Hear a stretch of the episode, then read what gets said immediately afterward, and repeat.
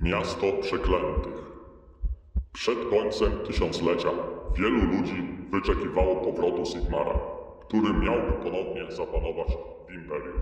Wierząc w prastare proroctwo Macadamusa Pustelnika, głoszące, że Sigmar przybędzie do miasta swoich sióstr, dziesiątki tysięcy pielgrzymów wyruszyły do Mordheim, siedziby zakonu miłosiernych sióstr Sigmara.